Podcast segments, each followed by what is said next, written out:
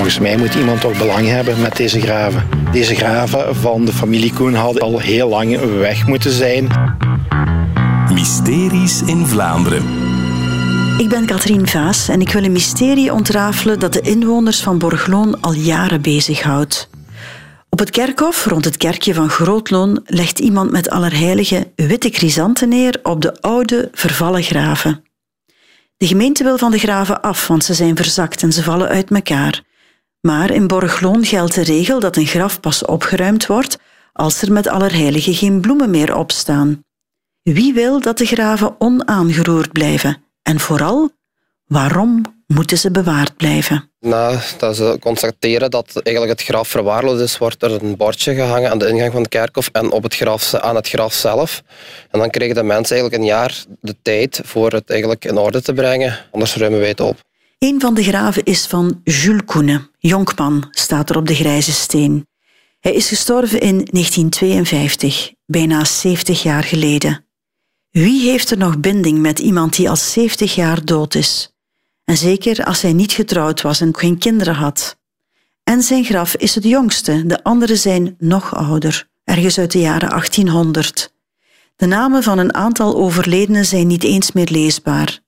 En toch? Bij Allerheiligen stonden daar bloemen aan de stenen. Grootloon is een gehucht van Borgloon waar iedereen iedereen nog kent.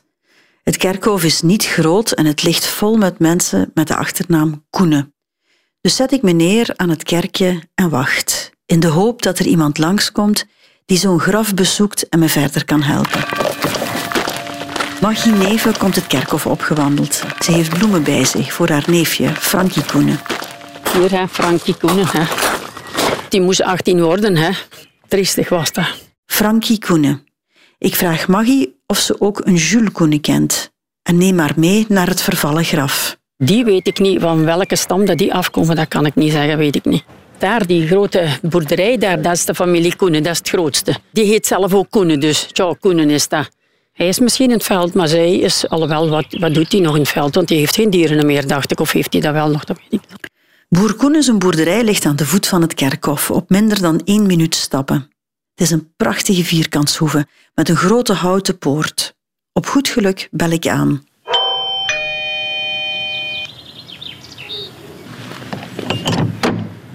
Hallo. Bent u boer Koenen? Ik ben boer Koenen, inderdaad. Ik word er hartelijk onthaald. Koffie met een koekje en uitleg over het graf. Want boer Koenen kent Jules Koenen wel, ook al is het graf 70 jaar oud. Koenen, dat was de broer van mijn grootvader. En die man zei altijd Dieu begot in een periode dat het hem niet goed ging. Dieu begot, Dieu begot. En daarmee herken ik die naam nog van Jules Koenen. En hebben we hem dan ook genoemd, Jules, Jules Dieu begot. Maar als ik hem vraag of hij met allerheilige witte chrysanten neerlegt op het graf van Jules Koenen, ontkent hij. Ik eigenlijk niet, nee. Niet boer Koenen dus, maar wie dan wel? En op die vraag kan hij wel antwoorden, want een tijd geleden is er iemand op de boerderij geweest die mogelijk iets te maken heeft met de bloemen. Ik denk wel dat ik een idee heb wie dat geweest is. Hier al een hele tijd geleden iemand geweest.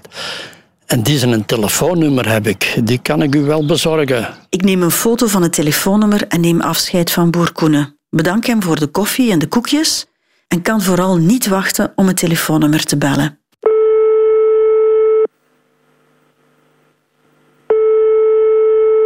Hallo, met Injas Schops. Het telefoonnummer is van Injas Schops, natuurliefhebber in hart en nieren. En hij geeft toe dat hij de bloemen neerlegt op de graven. De mensen die er liggen kent hij niet. Hij is enkel geïnteresseerd wat onder de grafstenen zit. We spreken af op het kerkhof in de hoop dat hij me wil tonen waarom die graven zo belangrijk zijn voor hem. 30 jaar geleden hoorde ik een heel bijzonder geluid. Het fluitend geluid van iets wat ik nog nooit in het echt gehoord had. Ik kende het geluid wel van zeg maar in de boeken en op de cassettes in die tijd nog. En toen begon ik rond te kruipen op handen en voeten en probeerde ik het geluid, dat fluitende toon, probeerde ik te lokaliseren. En op een zeker moment was ik, denk ik, kort bij, trok een vlok gras uit de grond en ik had dubbel geluk. Want er zat niet alleen een vroedmeesterpad onder, maar zelfs een mannetje met een gouden snoer rond de achterpoten. En dat is mijn eerste nacht op een kerkhof geworden dan. Ben je blijven slapen? Ben ik blijven slapen. En toen in die tijd, 30 jaar geleden, kon ik dan slapen tussen de honderden klingelende geluidjes van de vroedmeesterpadjes. Ik ga nog even langs boer Koenen om dag te zeggen. En ik vraag hem of hij ooit de vroedmeesterpad gehoord heeft. En hij herkent het gefluit direct. De pad, zegt hij. Dat is het geluid van de pad. Iedereen in de buurt blijkt het gefluit van de pad te kennen. Ze zaten immers in de kieren en spleten van de kerk. En van de pastoor moesten ze zelfs voordat de mist begon alle padden buiten gooien.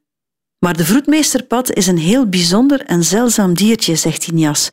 Dat is precies de reden waarom hij met allerheilige bloemen legt op het graf van Jules Koenen en een reeks andere graven die op de zuidflank van het kerkhof liggen. Want die graven die warmen op in de zon en daaronder voelt de pad zich thuis.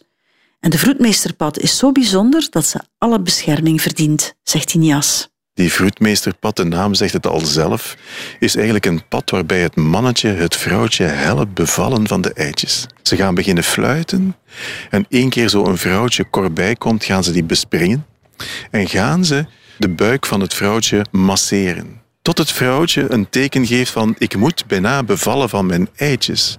De vrouwtjes legt de eieren in een ijsnoer terwijl het mannetje onmiddellijk in het kommetje sperma inspuit, waardoor de eitjes onmiddellijk bevrucht worden en in een mooi ijsnoer in dat kommetje liggen. En dan gebeurt er nog iets bijzonders.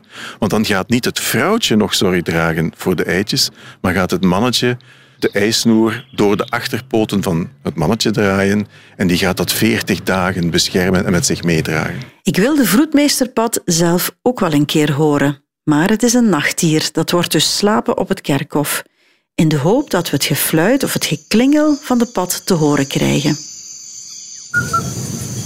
In Jassadissem.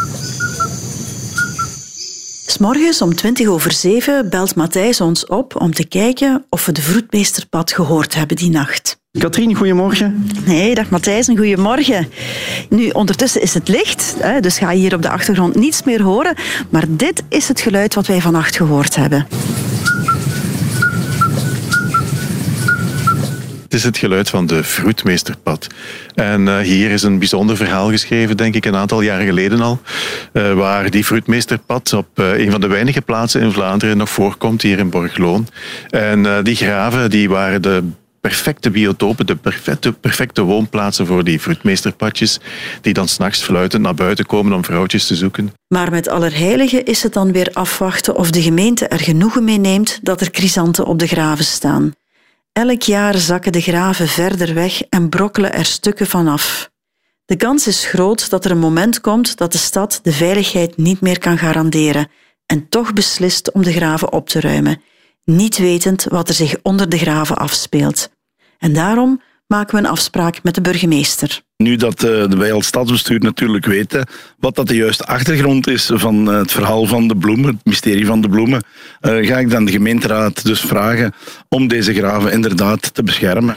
Hè, hè, Injas? Ja, ik word er bijna emotioneel van. Zo fijn. En hopelijk kan het diertje hier nog lang en gelukkig leven. We hebben de zaak opgevolgd. Hoe de vroedmeesterpad passeerde langs het Schepencollege en de gemeenteraad, hoe de pad een onderwerp voor subsidie werd en hoe de stad Borgloon officieel de vroedmeesterpad gaat beschermen door de oude graven met rust te laten, ook al liggen er geen bloemen meer met de Allerheiligen. De graven gaan we niet afbreken, we gaan de graven behouden. Hè. Nu dat we weten dat de vroedmeesterpad hieronder resideert, is het voor ons zeer belangrijk dat wij de graven op een lijst gaan zetten van waardevolle grafmonumenten en dat de vroedmeesterpad dan hieronder zou kunnen verblijven, dus voor de rest van haar leven.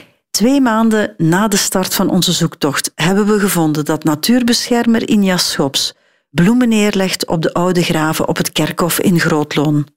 Onder die graven woont de Vroedmeesterpad, een heel bijzondere pad die in onze streken met uitsterven bedreigd is en waar Injas jaren geleden het geluid van herkende.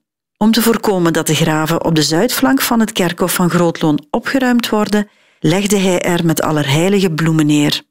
En nu heeft de stad de zorg overgenomen en zullen de graven bewaard blijven om de habitat van de vroedmeesterpad veilig te stellen voor de toekomst. Mysteries in Vlaanderen.